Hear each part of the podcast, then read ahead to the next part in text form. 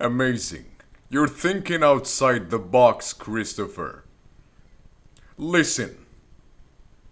I'll grant you three ships to sail, and I'll eagerly wait for your return. Ha ha ha ha.